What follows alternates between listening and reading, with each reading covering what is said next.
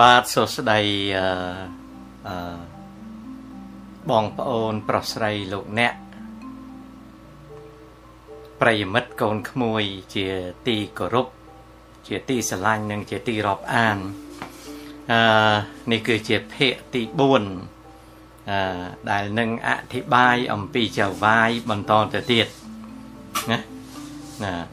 គឺនិយាយអំពីពាក្យងាយថា Super VIP ដែលកាន់កាប់ control ពិភពលោកអញ្ចឹងខ្ញុំបាទនិយាយរៀបរាប់មកដល់3ភាគហើយក៏បន្តមកទៀតណាហើយសូមរំលឹកផងដែរថាអឺលោកអ្នកជាទីសន្តាប់សូមមេត្តាដាក់លក្ខខណ្ឌចិត្តថាកុំជឿយកស្ដាប់លេងកំសាន្ត សិក្សាស្រាវជ្រាវសង្កេតហើយសម្រេចចិត្តខ្លួនឯងកុំជឿខ្ញុំជំរាបនេះជំរាបជាកំសាន្តផងដែរហើយខ្ញុំដឹងអត់អស់ទេខ្ញុំមនុស្សទៀបតូចខ្ញុំអត់អាចដឹងទេចំណេះដឹងខ្ញុំក៏តិចខ្ញុំគ្រាន់តែមានហេតុចំណាំបានខ្លះខ្ញុំនិយាយអញ្ចឹងនៅក្នុងភាគទី4នេះ3ភាគកន្លងទៅហើយ នៅក្នុងភាគទី4នេះបន្តរឿងចវាយតទៅទៀតរឿង Super VIP VIP នឹងតទៅទៀតណាទេណាបាទអឺលោកអ្នកជ្រាបហើយនៅភាគទី3ខ្ញុំនិយាយអំពីរបៀបគេពង្រីកសមាជិករបស់គេអីឡាក់នឹងឡាក់ហើយតើអ្នកណាអាចក្លាយទៅជាសមាជិករបស់ Super VIP របស់ចវាយបានហើយចវាយនឹងវាមានរចនាសម្ព័ន្ធជាន់ថ្នាក់វាយ៉ាងម៉េចខ្ញុំដឹងមិនអស់ទេ គ្រាន់តែដឹងថាគេមានរចនាសម្ព័ន្ធហើយយើងចង់ចូលក៏ចូលមិនបានដែរតោះតែគេយកយើងចូលណាគេឧបសម្បទាឲ្យយើងគេ qualify យើងបានយើងចូលណាហើយខ្ញុំជំរាបពី recruit center របស់គេដូចជា G7 G8 G20 អឺ World Economic Forum ហើយខ្ញុំក៏ជំរាបដូចក្រុម Bilderberg អីជាដើមឡាក់នឹងឡាក់មានក្រុមច្រើនទៀតណាទៅតាមទ្វីបទៅតាម ភូមិភាគទៅតាមតំបន់អីចឹងណាខ្ញុំដឹងមិនអស់ទេឥឡូវចូលដល់រឿងមួយថាតើគេ control ស្អីគេកាន់កាប់ស្អីមិនឃើញគេផងមិនឃើញគេកាន់កាប់ផងប្រទេសមួយមួយមានឈ្មោះមានអធិបតេយ្យមានដែនខណ្ឌសេមា មានឯករាជ្យភាព មានបកសម្ព័ន្ធមានគោលនយោបាយមាននយោបាយក្នុងស្រុក មាននយោបាយក្រៅស្រុក មានសេដ្ឋកិច្ច មានចំនួនមានតំណែងតំណងការបរទេសមិនឃើញពួកនឹងមក control អីផងហ៎ដំបូងខ្ញុំសុំលើកអំពីចវាយហ្នឹងគេ control ធនធានណានៅលើពិភពលោកនេះគ្មានដែនដីគ្មានទីធ្លាគ្មានដែនទឹកណាកន្លែងណាក៏ដោយ សូម្បីតែកន្លែងខ្ញុំអង្គុយធ្វើ show នេះក៏ដោយនៅគឺថាផែនដីយើងនេះគឺពោពេញទៅដោយធនធានណាសំបញ្ជាក់ណាទេណាប្រទេសក្រក៏ដោយក៏ពោពេញទៅដោយធនធានប្រទេសមានក៏ដោយក៏ពោពេញទៅដោយធនធានគ្រាន់តែធនធាននោះប្រាជ្ញាបឋិជនរបស់យើងនឹងសម្គាល់មិនបាន ដឹងមិនដល់ ណាគិតមិនចាញ់ប៉ុន្តែសត្វតែធនធានអញ្ចឹងខ្ញុំសូមជូនឧទាហរណ៍ថាមិនបានជាកន្លែងសពគ្រប់ទាំងអស់ណានៅក្នុងជលសានៅក្នុងបុរីដែនខណ្ឌសេមានៅក្នុងគិរីបបតា នៅក្នុងបឹងបួទន្លេដងអូនៅក្នុងទីធ្លាវាលព្រៃព្រឹក្សា រតាវរសត្វតែមានធនធានសំបីតែកន្លែងខ្ញុំអង្គុយនេះក៏វាមានធនធានដែរធនធាននោះ ដែលអង់គ្លេសហៅថា resources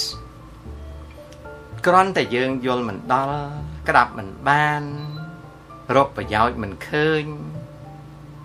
មិនចេះប្រមូលវាមិនចេះកែច្នៃមិនចេះផលិតមិនចេះប្រើប្រាស់មិនចេះលក់ដូរ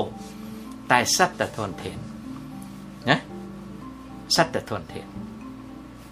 ក្នុងបង្គន់យើងលាមុខហើយនឹងទឹកនោមក៏ធនធានណាខ្ញុំអង្គុយនេះ ណាគាត់តែក្អែលនៅលើដីហ្នឹងក៏ជាធនធាន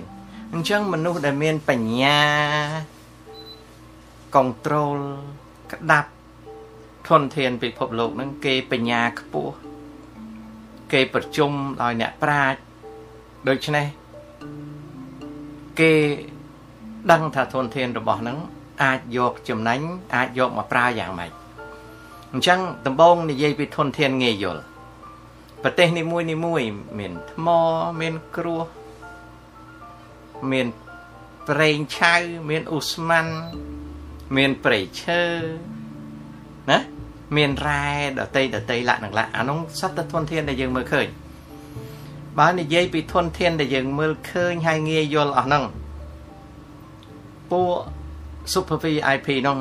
គេមានបណ្ដាញគេតាំងពីលើមកជារៀងសាជីចុះមកដល់ក្រោម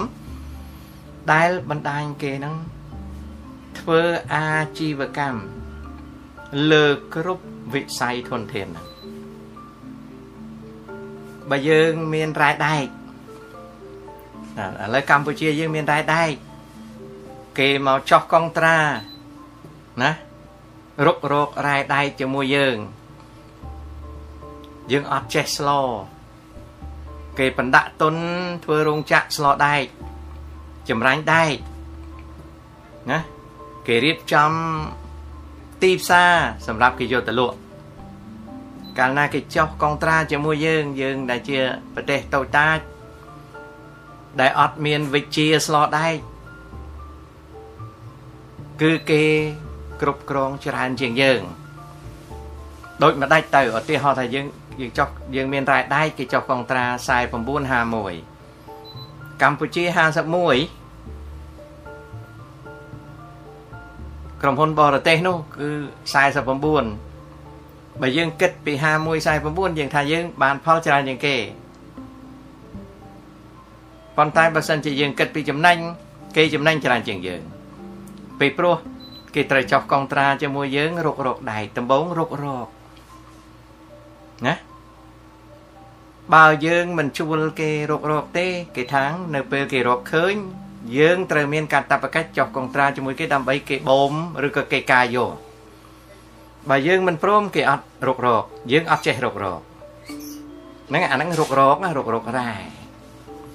អញ្ចឹងយើងត្រូវមានកិច្ចសន្យាគេហៅថា AMOU ឬក៏ preliminary agreement ថាបើខ្ញុំក្រុមហ៊ុន ABCD ហើយខ្ញុំរុករករ៉ែមាសរ៉ែដែកនៅកម្ពុជាបើរកឃើញខ្ញុំអ្នករករកកម្ពុជាមិនបាច់ចាញ់លុយទេខ្ញុំរករករកឃើញត្រូវចុះកងត្រាឲ្យខ្ញុំរាវការយកដល់ពេលការយកហើយ កម្ពុជាអត់មានចំណេះដឹងខាងវិជាស្លដែកទេណាហើយចំនួនរ៉ែហ្នឹងឧទាហរណ៍ចំនួនរ៉ែហ្នឹងវាធំវាច្រើនល្មម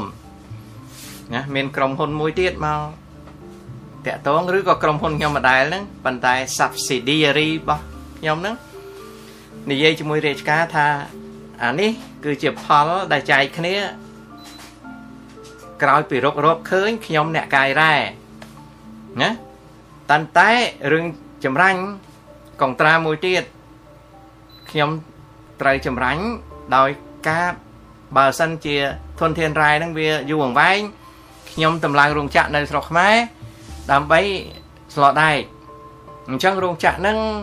អឺឧទាហរណ៍ថាបណ្ដាក់ទុនកសាងប្រតិបត្តិក្នុងអំឡុងប្រហែលឆ្នាំហើយផ្ទេអាហ្នឹងទាំងចំណេះដឹងទាំង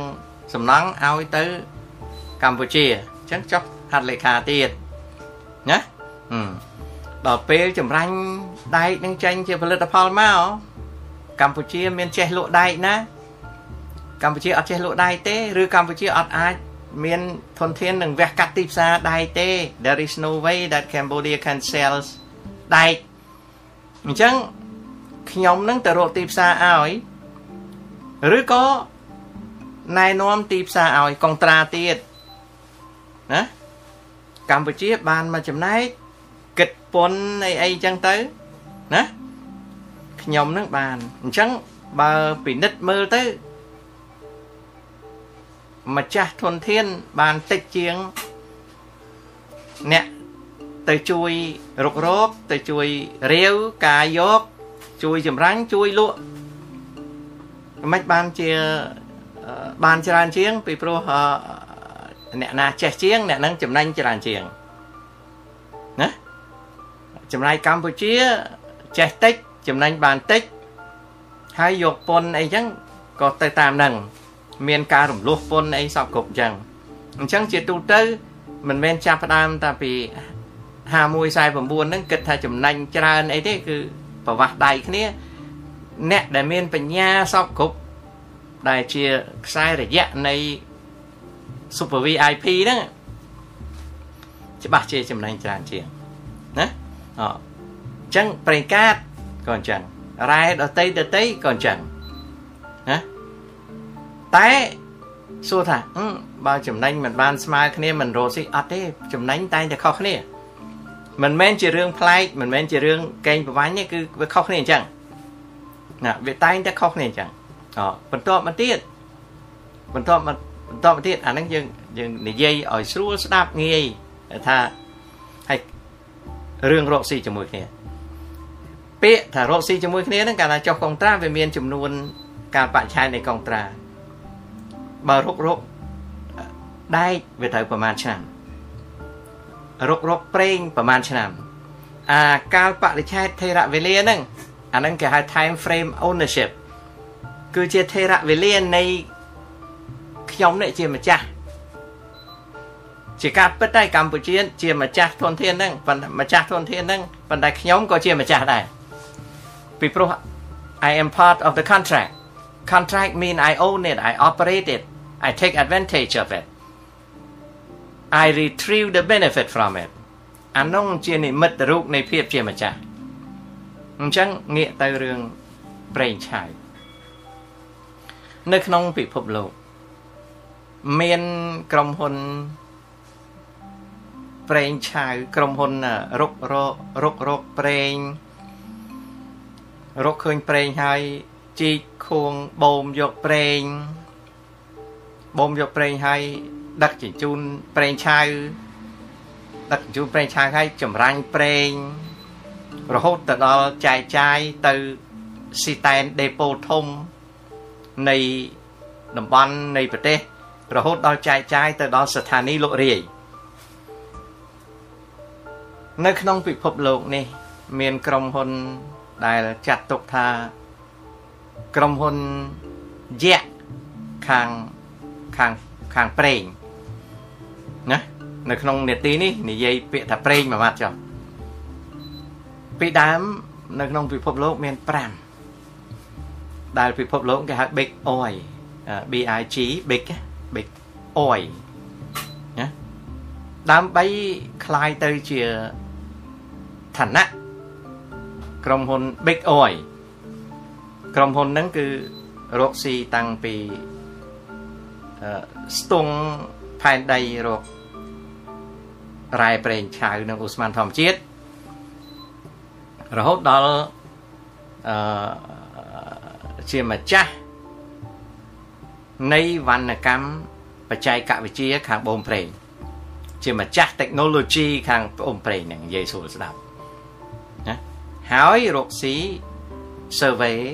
ស្ទង់រកឃើញមានសមត្ថភាព ខាងបច្ចេកវិទ្យាសពបែបយ៉ាង ដើម្បីនឹងបូមយកប្រេង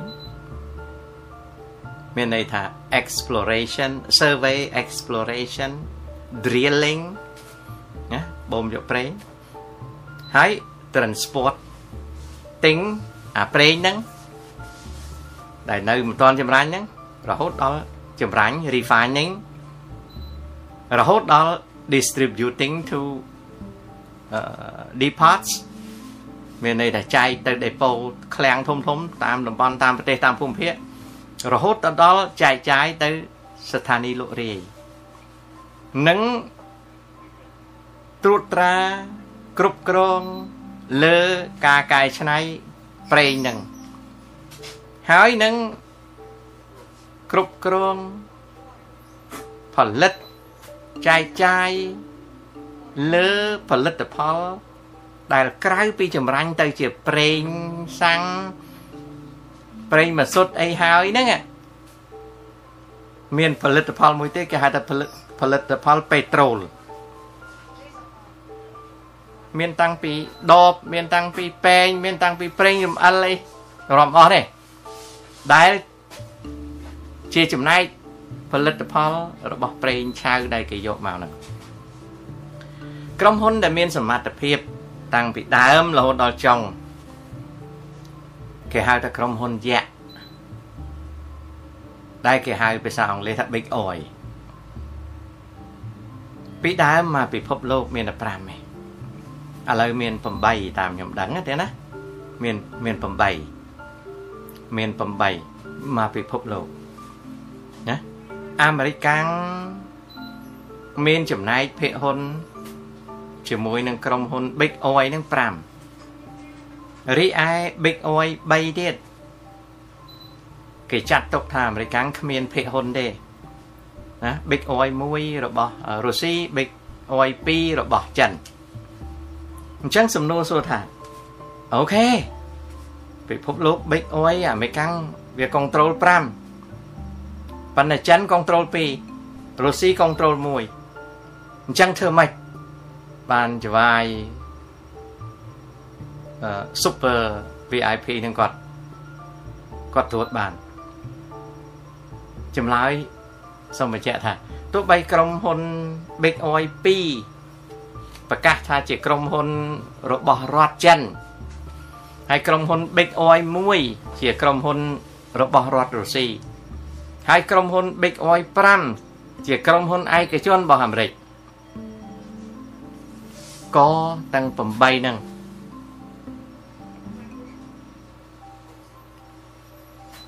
វាស្ថិតនៅក្រោមការបណ្ដាក់ទុនវាស្ថិតនៅក្រោមការគ្រប់គ្រងបច្ចេកវិទ្យាវាស្ថិតនៅ ក្រោមការផ្ដល់ឲ្យ នៅចំណេះដឹង ក្នុងការចាត់ចែងធនធានប្រេងអញ្ចឹង Big Oil របស់ចិនឈ្មោះជាចិនឧបករណ៍រាប់ម៉ឺនរាប់សែនអ្នកជាចិនវិស្វកររាប់ពាន់អ្នករាប់ម៉ឺនអ្នកជាចិន តែបច្ចេកវិទ្យា ជារបស់ច្បាយសួរថាចិនអត់ចេះ រុករកប្រេងចេះប៉ុន្តែបច្ចេកវិទ្យារបស់គេរៀនពីគេទិញពីគេចូលណា royalty របស់គេរក្សាសិទ្ធិរបស់គេរហូតមកដល់បូមសួរថាចិនអត់ចេះបូមទេតាំងពី49មកថាចេះប៉ុន្តែបច្ចេកវិទ្យាក្នុងការបូមទំនើបទំនើបជារក្សាសិទ្ធិរបស់គេ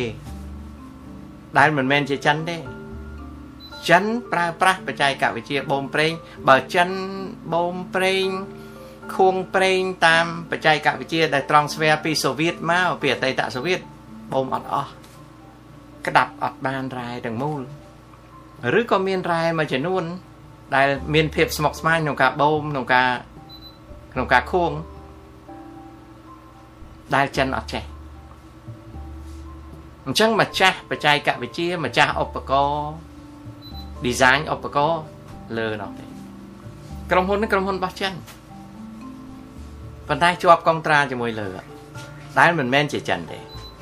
ណាបន្ទាប់មកទៀតដូចចម្រាញ់សួរថាចិនមិនចេះចម្រាញ់ចម្លើយឆ្លើយថាចេះប៉ុន្តែប្រេងផ្អែមហើយនឹងប្រេងជូរ sweet oil sweet crude ហើយនឹង sour crude បើវាជា sweet crude ឧទាហរណ៍ថាប្រេងហ្នឹងឧទាហរណ៍ណាទេណា ខ្ញុំមិនអាចនិយាយជាលំអិតបច្ចេកទេសទេណាព្រោះខ្ញុំអត់ចាំអស់អញ្ចឹងឧទាហរណ៍ថាប្រេងមានពីរប្រភេទប្រេងឆៅមានពីរប្រភេទមួយគេហៅប្រេងផ្អែមមួយគេហៅប្រេងជូរឧទាហរណ៍ថាមួយពុយ200លីត្របើគេបូមពីដងរ៉ែធម្មជាតិមកប្រេងហ្នឹងវាផ្អែមចម្រាញ់បានផលិតផលច្រើន អាអាចវាហ្នឹងតិចមិនត្រឹមតែប៉ុណ្្នឹងទេចម្រាញ់បានច្រើនហើយងាយទៀតងាយចម្រាញ់តាម process របស់វាងាយបើប្រេងនឹងវាជូរ200លីត្រមួយពុយហ្នឹងទីហោណាសូមបញ្ជាក់ណាខ្ញុំមិនអាចនិយាយលម្អិតជាបច្ចេកទេសបានទេខ្ញុំមិនចាំអស់ទេបូមមកបានផលិតផលវាតិចអាចនឹងវាច្រើនទោះបីតែអាចនឹងគេយកទៅប្រើបានប៉ុន្តែ វាខាតតម្លៃណាប្រេង200លីត្រដូចគ្នាអាមួយឆៅស្ប៉ែមអាមួយឆៅជូរ process and cost of refining តម្លៃវាខុសគ្នាអ្នកដែលមានបច្ចេកវិទ្យាខ្ពស់ក្នុងការចម្រាញ់ឲ្យបានចំណេញខាងលើណាណាហើយគេអត់លក់អាវិជាហ្នឹងទេគេលក់ទាំងឧបករណ៍គេលក់ទាំង ទាំងទាំងបច្ចេកវិទ្យាប៉ុន្តែជាកុងត្រាអញ្ចឹងអណ្ដូងប្រេងរបស់ចិនឧទាហរណ៍ថាឧទាហរណ៍ទេឧទាហរណ៍ថា China Petroleum Company ណា CPC ឧទាហរណ៍គាត់មានប្រតិបត្តិការលើអណ្ដូងប្រេង ប្រមាណសែនគីឡូម៉ែត្រកាឡាបូកថាគាត់មានគាត់មានប្រមាណសែនហ្នឹងក្រុមហ៊ុននឹងបោះចិនរដ្ឋចិនហើយនឹងប្រជាជនចិនគេអ្នករកស៊ីក៏ឈ្មោះចិន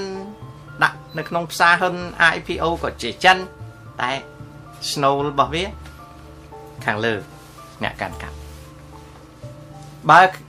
ចិនមិនកុងត្រាជាមួយខាងលើនឹងទេ ដែលជាបណ្ដាញខាងលើធ្លាក់មកទេចិនអត់អាចទាញយកប្រេងហ្នឹងបានអស់ពីរូងដងខួងហ្នឹងទេ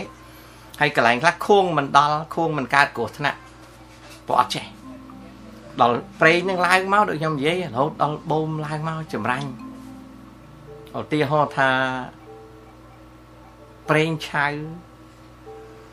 ផ្អែម200លីត្រចិនចម្រាញ់បានអស់ថ្លៃចម្រាញ់ថា22ដុល្លារចេញជាផលិតផល ស្មើនឹង63%នៃទំហំប្រេង200លីត្របច្ចេកវិទ្យាបច្ចេកវិទ្យារបស់គេខាងលើហ្នឹង200លីត្រប្រេងផ្អែម ចម្រាញ់អស់តម្លៃតែ14ដុល្លារទេហើយបានផលិតផលមករហូតដល់72ប្រេងដូចគ្នា200លីត្រដូចគ្នាអញ្ចឹងចិនត្រូវត្រូវកងត្រាជាមួយគេចិនអត់អាចប្រើចំណេះដឹងចាស់កម្រិលរបស់ខ្លួនឯងទេ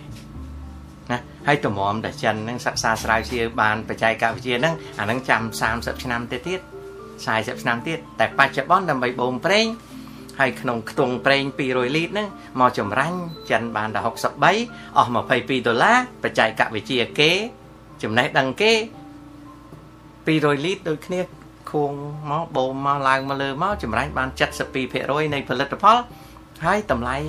ចម្រាញ់ process វាអស់ cost វាអស់តែ14ដុល្លារដោយសារតែបញ្ញាហ្នឹង ដងប្រេងរបស់ចិនហ្នឹងមានឈ្មោះថាជារបស់ចិនប៉ុន្តែជានិមិត្តរូបទេសេចក្តីពិតរបស់វាគឺបោះខាងលើពិបាកយល់បន្តិចនៅក្នុង ownership ប៉ុន្តែ control ពីលើពីព្រោះពីលើហ្នឹងអត់លក់អាបច្ចេកវិទ្យានឹងឲ្យទេគឺកុងត្រាណាអានឹងពិបាកយល់បន្តិចវាជាវាលប្រេងឬអណ្ដូងប្រេង នៅលើដីឬបាតសមុទ្ររបស់ចិនណា ហើយអា big oil ទាំង8ហ្នឹងវាអូនវាអូនណាពេលអូនហ្នឹងវាកុងត្រាទេដីដីរបស់គេទេប៉ុន្តែវាកុងត្រាអណ្ដូងប្រេងដែលវាធ្វើអាជីវកម្មហ្នឹងគេហៅថា